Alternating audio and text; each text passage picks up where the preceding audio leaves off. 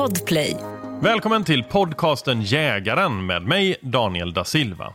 Podden Jägaren handlar om jakt såklart. Men det handlar också om människan bakom bössan. Och det är där jag lägger fokus i mina intervjuer. Det handlar väldigt mycket om drivkrafter till jakt. Varför vi jagar, vad vi känner när vi jagar och vad vi får ut av att jaga. Och därför åker jag runt och träffar olika typer av människor eh, som alla brinner för jakt, fast på lite olika sätt kanske. Och idag så ska jag träffa Moderaternas partiledare Ulf Kristersson, som är en inbiten jägare. Så det här avsnittet handlar om Ulf, hans drivkrafter till jakt och förhoppningsvis så kommer han dela med sig av sina erfarenheter och upplevelser i skogen. Men innan vi lyssnar på det avsnittet så kommer det här ett inslag med poddens huvudsponsor Chevalier. Då sitter jag på eh, Chevaliers huvudkontor och mitt emot mig så har jag Lina. Hej! Hej! Du är ju ansvarig för vad ni kallar Country Life-kollektionen. Precis. Vad är det för något? Eh, Country Life-kollektionen är ett koncept där vi utvecklar plagg för livet på landet och den livsstilen som det innebär. Mm. Så oavsett om man gillar jaga, lerduveskytte, hästar eller att lägga sin tid på hundträning så finns det plagg som passar till alla aktiviteterna. Och om man är liksom en stadsbo men vill se ut som en sån här cool eh, människa som bor på landet, då kan man också ha det antar jag? Självklart. Det är jätteanvändbara plagg som du kan ha i alla lägen skulle jag säga. Mm. Country Life-kollektionen och jaktkollektionen det är två delar av en helhet. Det kan vara samma kund men det kan också vara helt andra kunder som gillar delar av sortimentet eller båda två. Mm. Så de, man kan använda produkterna vid, vid olika tillfällen och olika syften men det, det är liksom samma känsla i alltihopa. Ja, men för ni har ju en, till exempel eh, den här nya jackan Tyrie. Ja. Eh, Den funkar ju jättefint att jaga i också, men egentligen är den liksom inte gjord för det. Eller? Nej men precis, det är ett jättebra exempel på en av våra nya produkter. Den är klassisk och har alla de här funktionerna som du vill när du ska jaga. Den har stora bälgfickor, den har den vattentätt tyg, sömmar, eh, de kritiska sömmarna uppe på axlar och vid ärmar och sånt. De är tejpade så att det inte kommer in vatten i första taget. Den har en stormflap i halsen så att den håller vinden ute. Eh, Så den klarar allt det här som du behöver när du ska ut och jaga. Men samtidigt så är den supersnygg, klassisk jacka. Du kan ha den till jobbet, du kan ha den när du hämtar barnen på dagis eller i ditt vardagsliv. Jättebra exempel på en Country Life-produkt. Jag ska nog själv slå till på en sån tror jag. För jag tycker, med, med den så kommer jag se sådär, en blandning av eh, så här, soft och framgångsrik samtidigt. Eller hur? Ja, Ja. absolut. Det är ju världsklass. Grymt. Eh, ja, men vad fint. Eh, och, och så vet jag att på, på sajten just nu så har det kommit ut supermycket nytt på just Country Life. Det. Eh, där, där, eh, ja, men både för dam och herr. Ja, Så det kan jag rekommendera er att gå in på chevalier.se och kolla för det är supermycket fina nyheter. det är det. Mm. Bara kör. Tack för att jag fick prata med dig. Tack själv.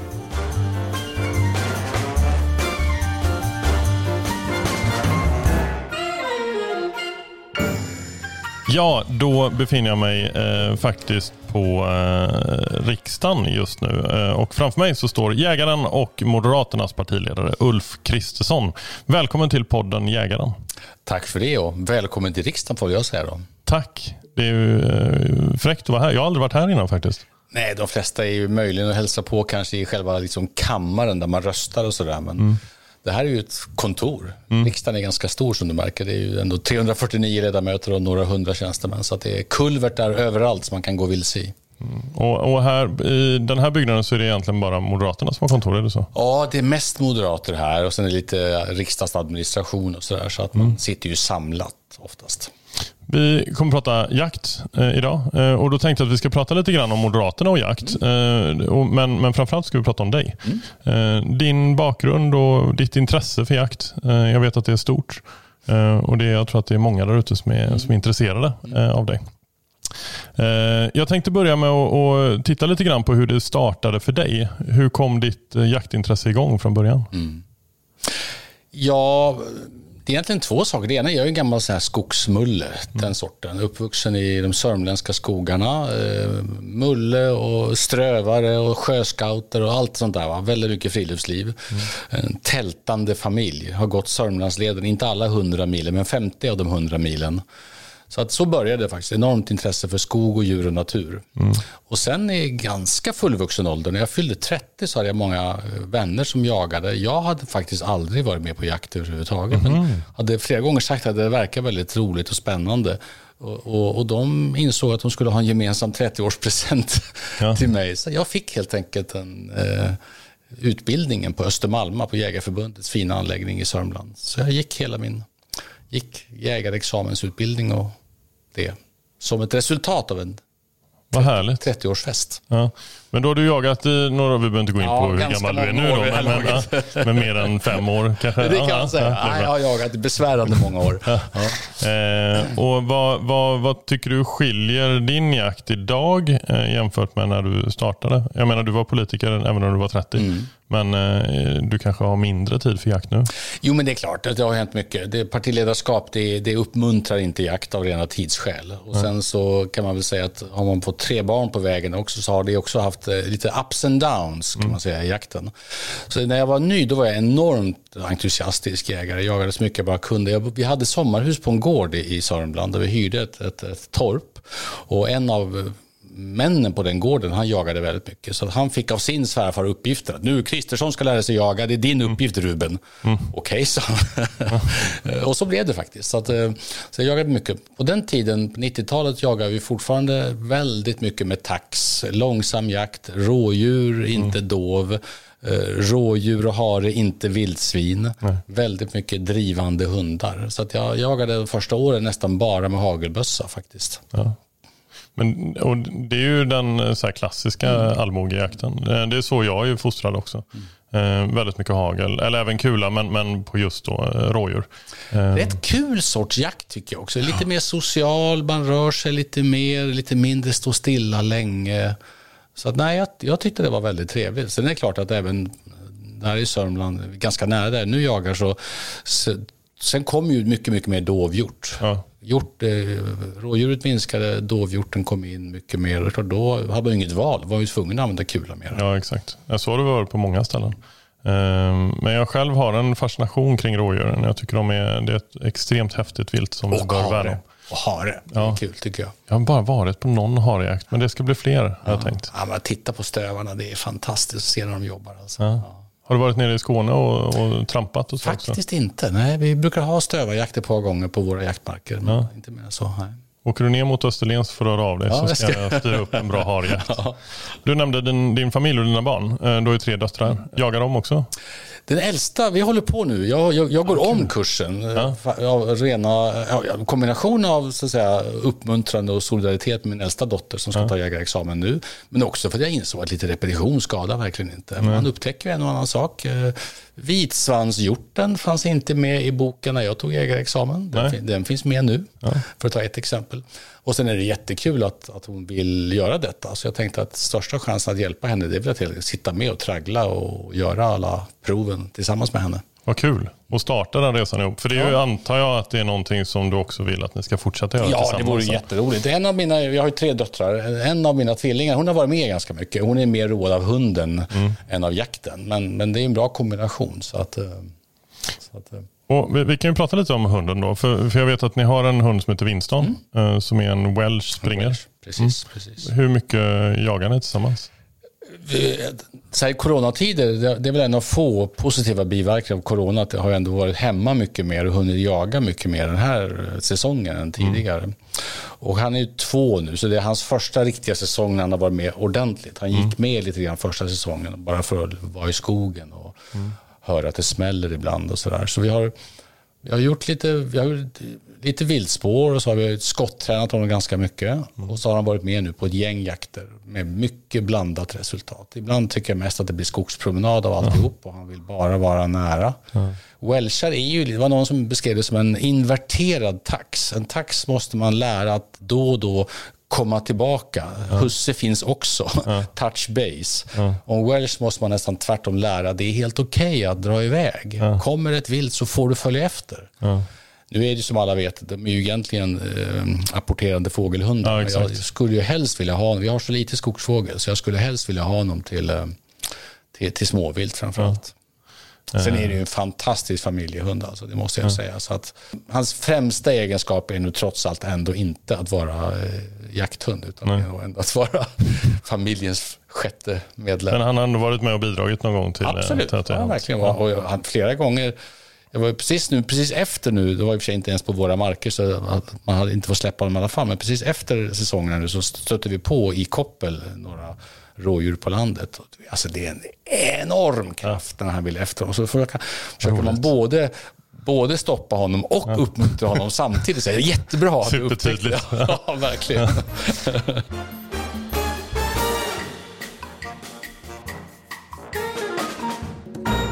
Hur, jag måste fråga, du är ju offentlig och som politiker så får man ju också eh, utstå eh, massa människor som, eh, som inte tycker som en själv. Eh, och det är ju positivt ibland för vi lever ju i en demokrati. Eh, men det finns ju ett motstånd kring jakt som är ganska litet i Sverige om man ska vara ärlig. Jag tror att det var någon undersökning nu att acceptansen ligger på 90 procent av svenska befolkningen. Eh, har du fått utstå någon form av liksom, kritik kring din jakt?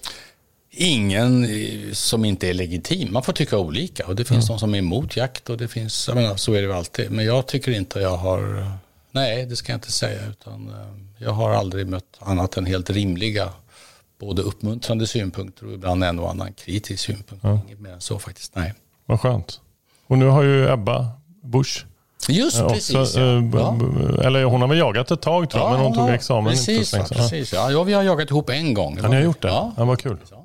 Ja. Jag såg nu på, på Youtube, hade de släppt en film. De fällde sin första, eh, sitt första dåvilt. Ja. Ja, det är fantastiskt. det är roligt. Ja, det är, man, minns man minns de här första djuren när, man, när bössan nästan skakar så mycket så man kan inte ens, fast man har bra skottläge, knappt kan, kan avfyra. Men hur är det nu för dig då? När du, jag blir ju sån fortfarande, fast efter skottet oftast.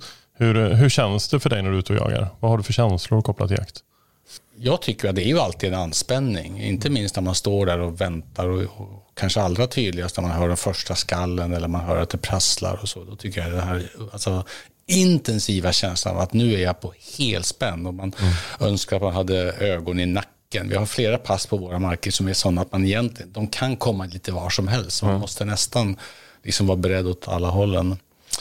Ehm, nej, jag tycker det är, men, men jag tycker att jag är inte lika, jag, jag tycker jag har mycket bättre i ett läge så känner jag inte alls samma. Jag vet, jag vet vad jag ska göra. Jag, jag vet också vad man inte ska göra. Jag har inte skadskjutit många djur i, min, i mitt liv, men det har hänt. Och Då vill man inte göra om det. Så jag tycker jag är, jag är rätt försiktig jägare på det sättet.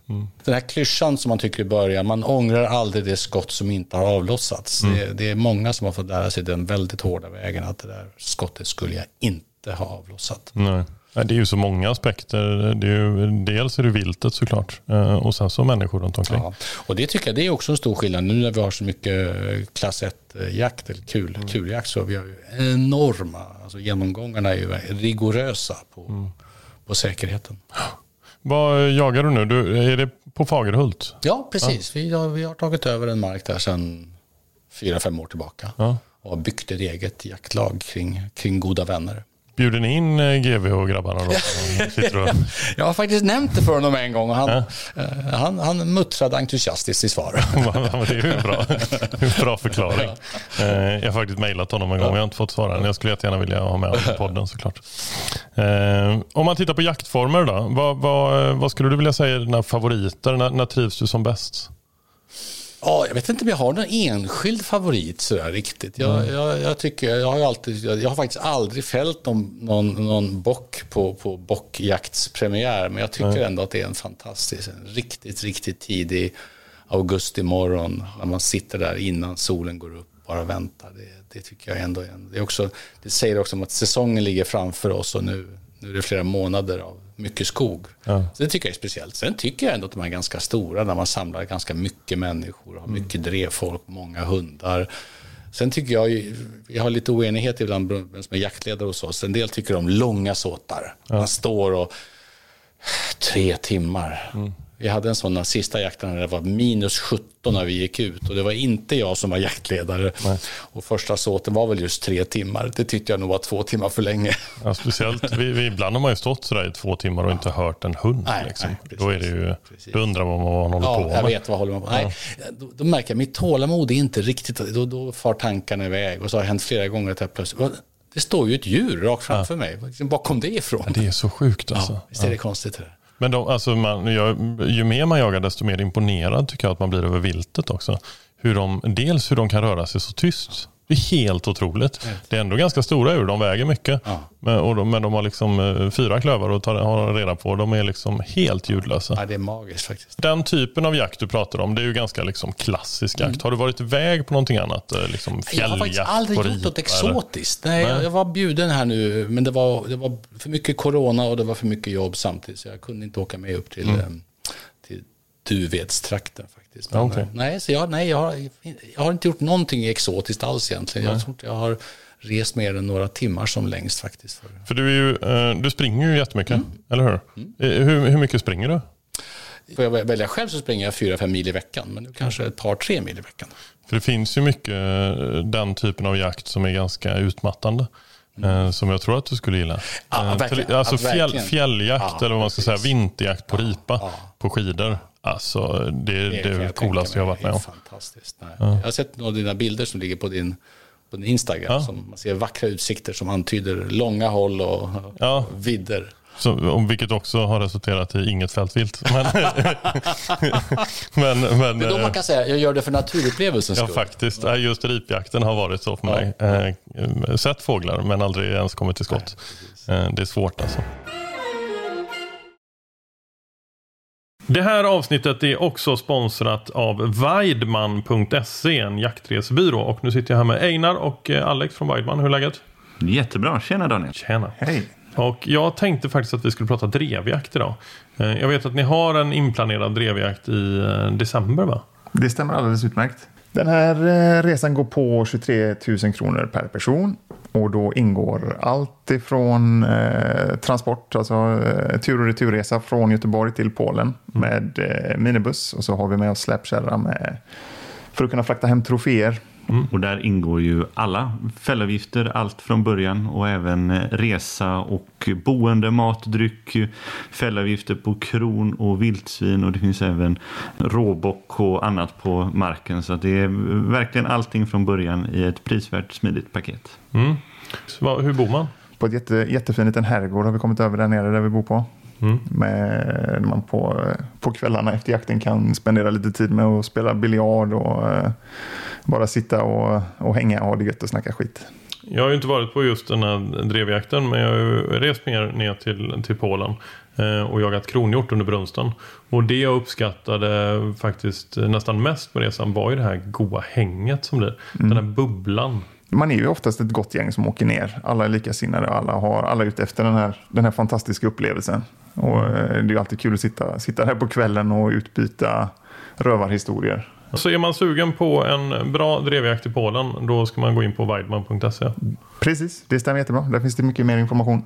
Tänk Weidmans Heil, alltså weidman.se. Fantastiskt. Eh, tack för att jag fick prata med er. Tack, tack själva.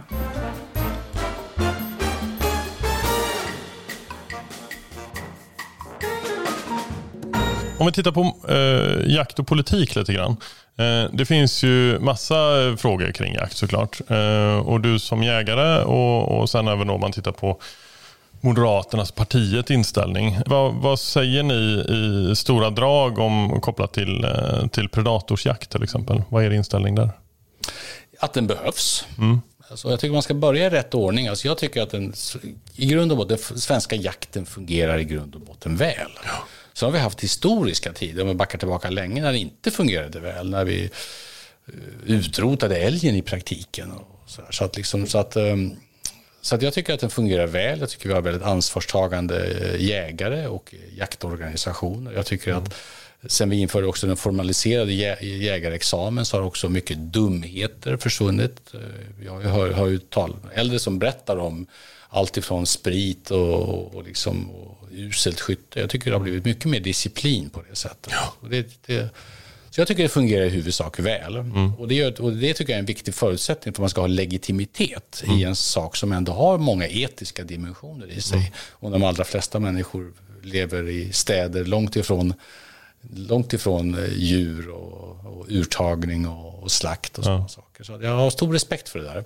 Om man sagt det tycker jag att lagstiftningen måste uppmuntra eh, seriös jakt. Mm.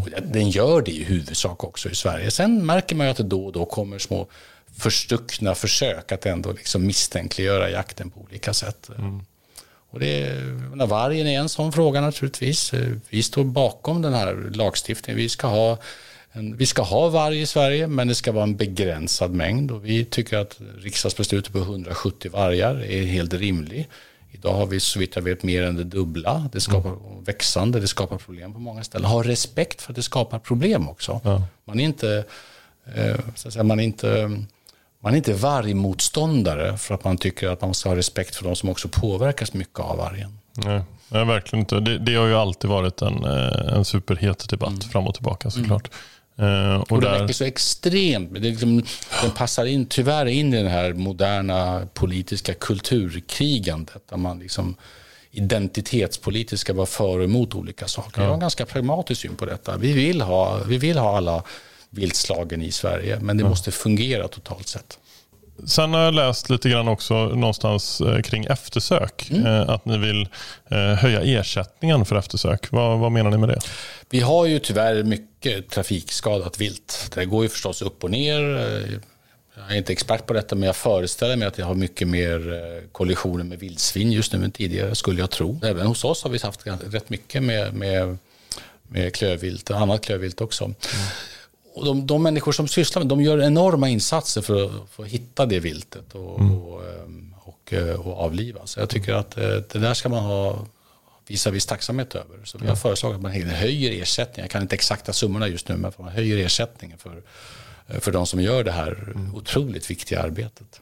Och där vet jag även att ni har sagt eh, kring skyddsjakt på till exempel gäss, yes, att ni vill förenkla eh, den biten även där, jag kan inte detaljerna i detta, men, men alltså, det, det, finns ju väldigt mycket snåriga regler och en del mm. fanns det skäl till från början. Det är ungefär som med regelverket för, eh, för vildsvinskött till exempel. Och mm. saker. Att det, det, jag tycker man, om man vill uppmuntra en bra viltförvaltning. Uh, inte minst nu där, jag tycker vildsvin är ett extra bra exempel för vi har så, fått så enormt mycket vildsvin. Till, till somligas glädje, vi tycker det är kul att man kan jaga vildsvin på våra marker också. Mm. Det är många som odlar spannmål som är mycket mindre entusiastiska över det. Ja. Verkligen.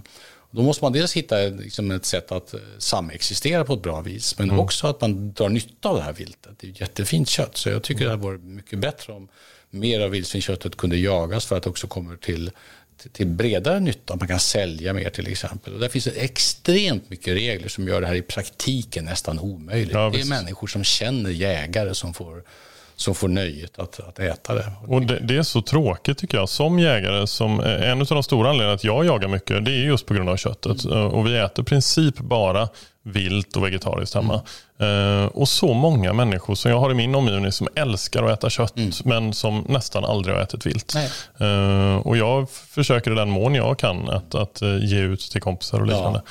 Men, men jag, det finns ju väldigt många som fäller väldigt mycket mer än vad jag gör. Och Skulle de ha möjligheten att dela med sig och kanske till och med då kunna sälja kött på ett annat sätt så vore det ju fantastiskt. Och inte minst just vildsvin där de, många som jagar vildsvin också gör För man måste helt enkelt hålla efter vildsvinen. De har ju i princip inga naturliga fiender överhuvudtaget och får kullar flera gånger per år. Så, att, ja. så jag, jag tycker så att det, menar, det är klart att mängden älgfilé som i största allmänhet kommer, det, det, det förstår jag är begränsat. Ja. Men vildsvinskött som är så jättefint till många saker, det tycker ja. jag är så synd att det inte används mer. Och Om man uh, skulle ställa en rak fråga till dig uh, kring dina drivkrafter uh, bakom jakten.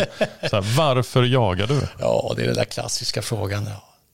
Nej, men jag, jag brukar alltid le när folk svarar. Och så jag, svarar. jag menar, det är ju en kombination av allt det här. Jag, mm. jag, jag, jag gillar ju att vara i skogen och jag tycker att spänningen är, är, är fantastisk. Så jag, mm.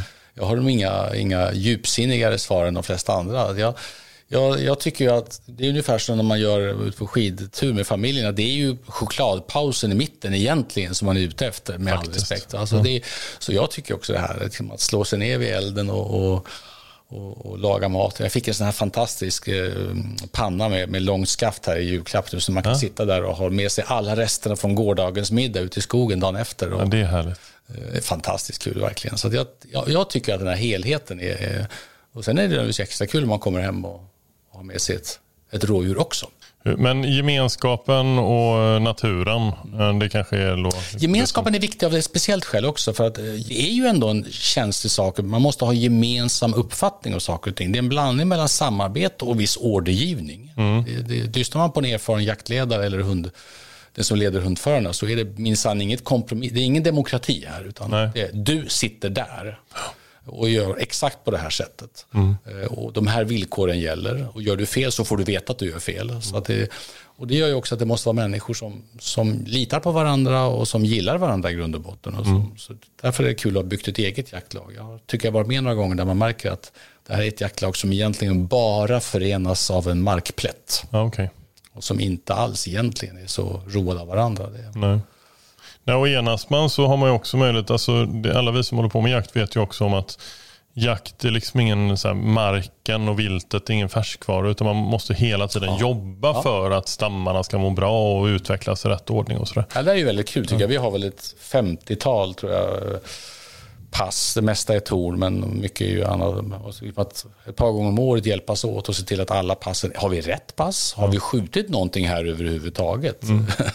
Eller har det hänt saker i omgivningarna som har förflyttat det och hålla, underhålla dem och sådär. Det tycker jag är en rätt rolig del av alltihop också. Att lära känna. Jag går mycket på våra marker också bara. För att liksom jag, vill ha, jag vill ha varit på alla ställen. Så jag ska kunna, Inte minst när man har gäster så man kunna berätta exakt. Nej. Det är den stenen du ska passera. Ja, exakt. Och då får man också den här konstiga beskrivningen när man ska ut i sitt pass. Precis, precis. Gå till storstenen Ja. bakom eken. Man bara, vilken ek? Ja, den finns inte längre, men för 30 år sedan så stod det en ek där. Precis så är det. liksom.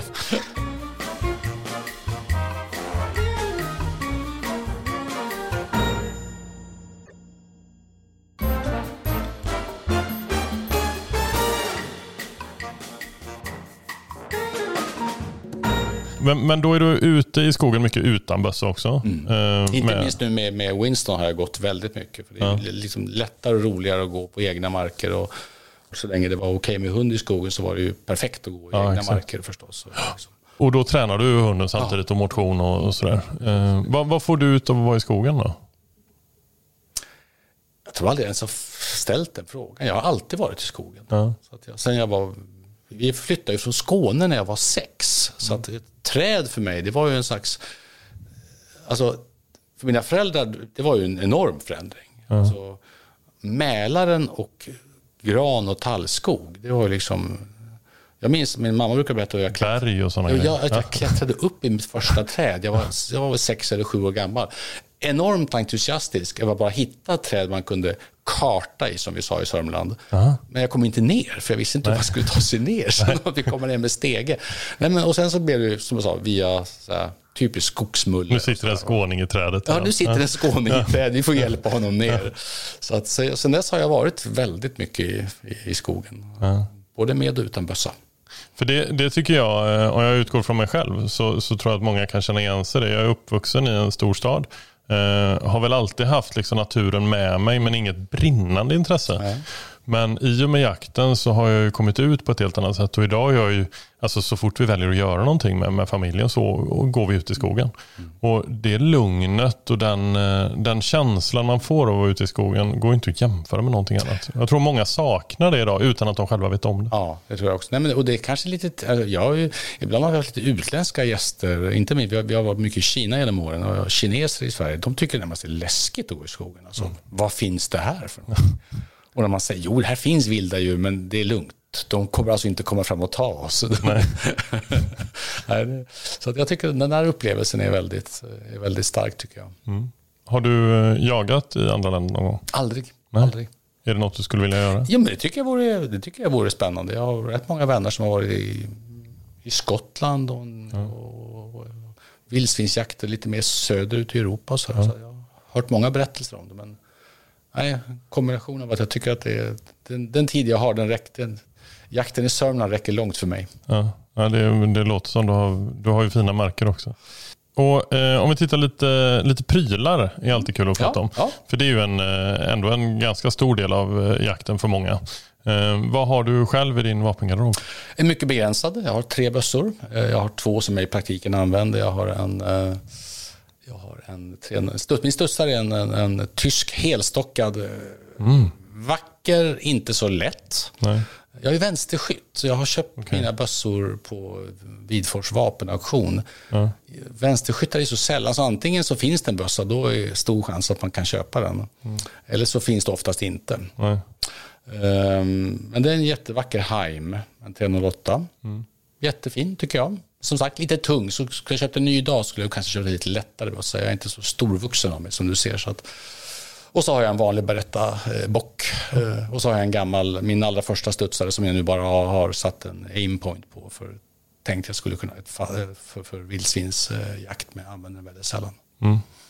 Aimpoint ska jag börja jaga med nu tänkte jag på har jag, inte haft tycker att det var, det, jag tyckte att det var ganska bra. Jag tänkte jag skulle ha ett snabbfäste för att byta, men det var sånt som inte gick att ha på Nej. snabbfäste. Så, att, eh, så jag, bara, jag har dem, så nu har jag ständ, tittar jag ständigt på andra bössor förstås, som man alltid gör. Jag har en kaliber, en, en eh, klass 2-studsare, tycker jag hade varit kul att ha till exempel. Ja. Ehm, Men, och där är också svårt. Eh, Jag menar, har man bara, jag jagar faktiskt på, på marker där det inte finns någon, eh, något dåvilt till exempel. Och då jagar vi ju i princip bara rådjur.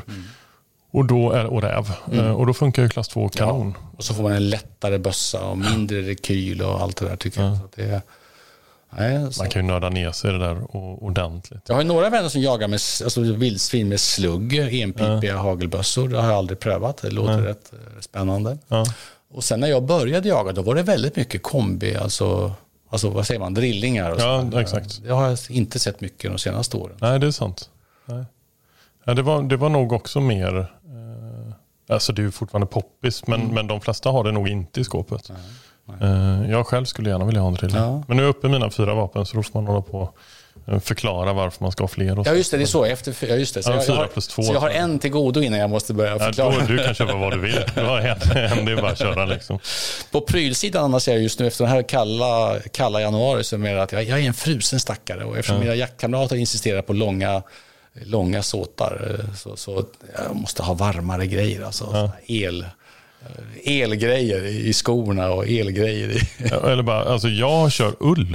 Eh, Alltså underställ, Ja, allting men i det, ull. jag. det, det hjälper inte för mig. Ja, det gör inte det? Efter en timme så fryser jag som en hund. Ah. Du fryser om händerna.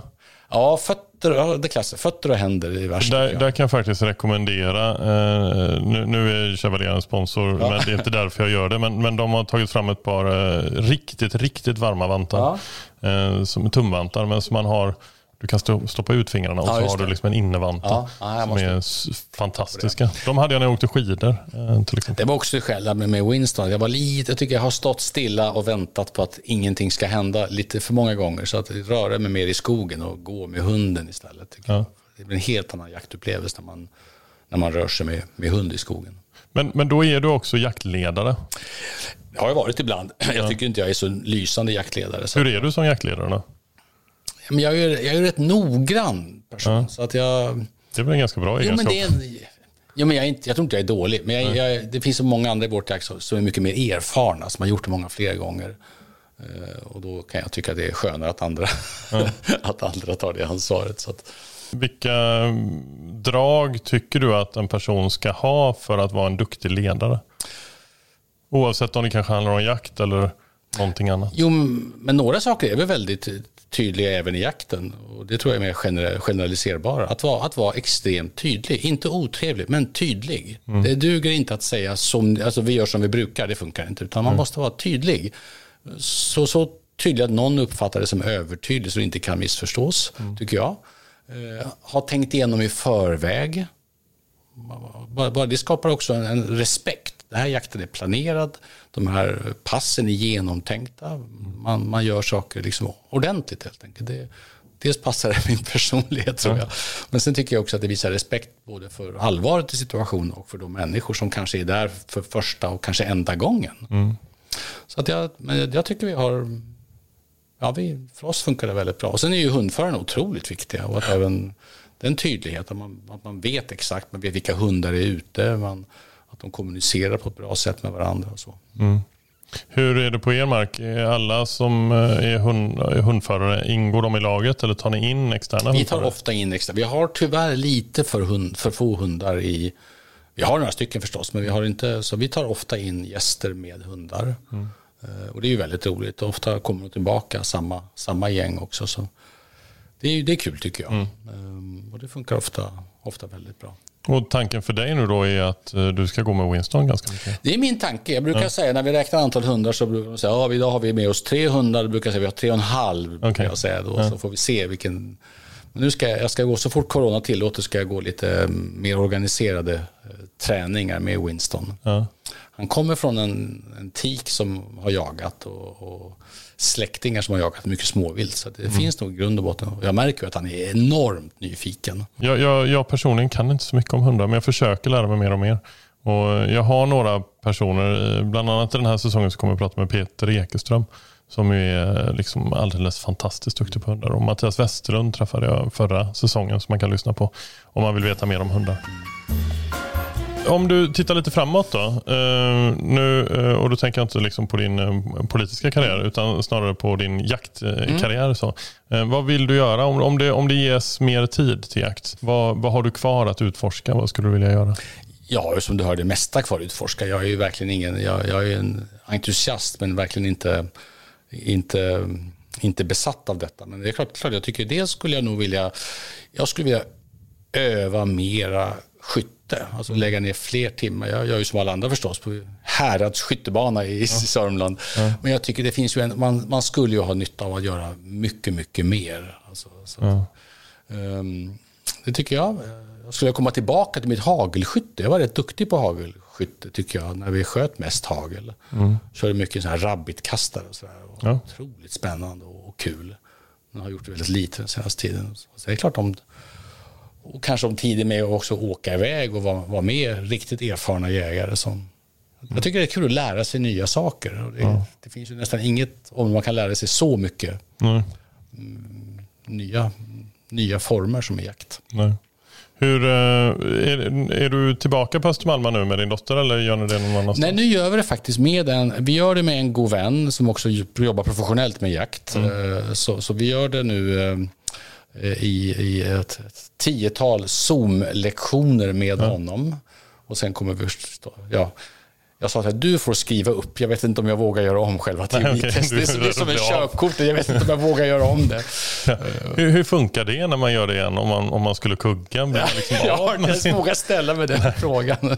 Så att jag, jag supporterar min dotter i detta. Ja, men jag tycker vissa, vissa frågor. Jag, jag är ju inne ibland och, och nu finns det massa appar och sånt där. Ja. Bara för att liksom kontrollera ens kunskap. Det är, det är ofta man har något fel. Tycker Absolut. jag. Och det kan vara någon, någon, liksom någon andfågel man inte vet. Mm. eller sådär. Så, men när man väl pluggade då var det ju liksom en, en, bredare kunskap. Men jag tror att för mig och för de flesta så tror jag det är så att när man tar jägarexamen det är först efter det som man väl kan börja bli en, en, en riktig jägare och duktig jo, på det. Det är ju lite som bilkörning. Man, man får ett licens på att du är okej okay, men ja. du måste öva mycket. Jag är ja. tacksam för att jag fick väldigt mycket över de här första fem åren. Ja. väldigt mycket då. Så jag tycker ändå att det, det mesta sitter väldigt bra. Och sen märker man ju ändå så här när det gäller alla fåglar, nu jagar vi som sagt ingen fågel, men alla mm. fågelarterna undrar om jag skulle klara ja. på nytt här nu i, igen. Ja, och då får man ändå titta på dem på en stillbild. Ja, alltså, det är en annan sak när de flyger på, på 25 meter. Så är det verkligen. Så där mm. finns ju... Sen får man får lära sig nya saker. Nu får du säkert reaktioner på din podd. Men jag hade ju, när vi kom till våra marker nu, vi har mycket kron, ja. kronvilt. Då fick jag ju lära mig att en av orsakerna att de är så väldigt eh, svåra, det är ju att de både hör och ser så bra. Ja. Så jag levde länge i tron att det var att det var kronviltet. Nu får jag lära mig i den nya läroboken som jag och min dotter har att dåviltet är, har lika bra syn och ja. till, och med kanske, till och med kanske ännu bättre. Det hade jag faktiskt ingen aning om. Nej. Ja, men de är ju alltså speciellt doften men, hos allt vilt. Men, men just ja, men, hjort överhuvudtaget, alltså kron och dov. De ser ju extremt bra. Jag var i Polen och jagade kronvilt. Och då eh, lyckades jag fälla en, en, en stor gammal hjort. Eh, men sen så pyrschjagade vi, mm. smygjagade. Eh, även då kalv och hind. Eh, och det var, det var ju omöjligt. Alltså jag har aldrig gjort något så svårt. Helt galet. Man, man smög omkring och så till slut såg man någonting på kanske 300 meter och då stod de och tittade på den. Och jag har varit med om det när jag suttit på pass med dov också. Att doven kommer ut och så är det ledarhindren som kommer ut först och tittar mot alla passen. Så har liksom stenkoll. Ja, men det är precis. Jag har, jag har skjutit två kron, en, en kronhjort och en hind på våra marker och båda har varit ganska hårt drivna av hund. Så att, mm. Men, men med tanke på att vi är med, vårt älgskötselområde är samma som kronhjortsskötselområdet. Mm. Jag tror inte vi någon enda gång har skjutit hela den tilldelning som området har på kronvilt. Faktiskt. Ja, man ser ju dem inte ofta. Alltså. Nej. Här om sista, eller näst sista jakten då kom det ut sådana här alltså, filmiska ja. kronhjortar. Alltså med, då, då, visste vi att eh, man fick inte skjuta större än vad var det, tio taggar. Så man ja. kunde se på en gång att den där mm. tittar man på i kikaren. Var, ja. De var magnifika. Alltså. Ja, det är så vackert. Jag tycker det är det. Alltså i särklass vackraste djuret. Det är som ett sagodjur alltså. De är fantastiska. Ja, det är häftigt. Jag tänkte om jag skulle ge dig någon möjlighet liksom från Moderaternas perspektiv eller ditt perspektiv att ge, liksom ge en liten så vision av hur du skulle vilja att Jakt-Sverige ser ut? Eller något sånt där. Om man tittar på det här slags samhällssynvinkel så tycker jag ändå det handlar väldigt mycket om det här ömsesidiga respekten stad och land. För mig mm. är väldigt viktigt. Jag är ju för uppvuxen i småstad men har ju bott ändå i eller nära Stockholm i flest år av mitt liv. Mm. Men den här att man i en stad måste ha genuin respekt för villkoren eh, på landsbygden mm. eller i småstäder där det här är mycket mer självklart. Mm. Att man alla lever nära detta på något sätt. Mm. Och att det som uppmuntras på ett seriöst sätt på landsbygden det är sånt som också eh, alla människor i städer kan dra nytta av. Alltså mm. alla som har fått sin, ätit sin första rådjurssadel förstår jag, det, här är ju, det är en fantastisk upplevelse som man inte kan inte kan få ta del av om det inte finns seriösa jägare som vill göra det jobbet helt enkelt. Så jag, jag tycker att, liksom att få ihop det här, inte minst i vår lite polariserade samtid, mm. Där jag tycker allt för ofta, både i politiken och i andra frågor, möter människor som är rätt intoleranta mot varandra. Mm. Antingen kallar man sig själv för ja, man, någon slags form av djurvän och då är man emot alla former av jakt. Mm. Och så finns det andra människor som bara föraktar människor som bryr sig om djur och natur för att de in, men inte jagar. Så jag tycker det finns ofta ganska hårt tonläge på ett sätt som jag, jag genuint har svårt att förstå faktiskt. Ja. Men äh, vet du vad Ulf, det var jättetrevligt att få prata med dig. Jag tror att du har förmedlat äh, din syn på jakt på ett väldigt äh, fint sätt till, till de som lyssnar. Um, och fortsatt stort lycka till nu med, med Winston mm. och utvecklingen där. Det är en utmaning kan jag säga. Ja. Tur man har trebarnspappa som har viss erfarenhet av någon slags uppfostran. Ja, men de har ju lite olika perioder hundar också har jag förstått. Att de det kommer säger in alla i... welshägare. Ah, han är riktigt... De är alltså kända som late bloomers verkligen. Okay. Alltså, han är, nu har en av våra bästa vänner fått hans lillebror dessutom. Ja. Vi har en tio veckors i vår närhet också nu. Det första som hände var att Winston klev rakt in hälsade på lilla valpen, gick fram till valpens eh, hundkorg och kissade. Ja, tydlig markeringen. Då. tydlig markering. Ja. men det är bra. Eh, tack snälla för tack att jag fick prata med tack dig. Tack. Och stort tack till alla er som lyssnar såklart. Nästa vecka, då är det dags igen, såklart. Det är ju det varje torsdag nu, hela vägen fram till midsommar. En ny jägare i ett nytt avsnitt varje torsdag. Och nästa vecka, då ska jag träffa Eva Bromé och det ska bli jättespännande. Så eh, håll utkik på Podplay eller där poddar finns, så hörs vi om en vecka. Hej!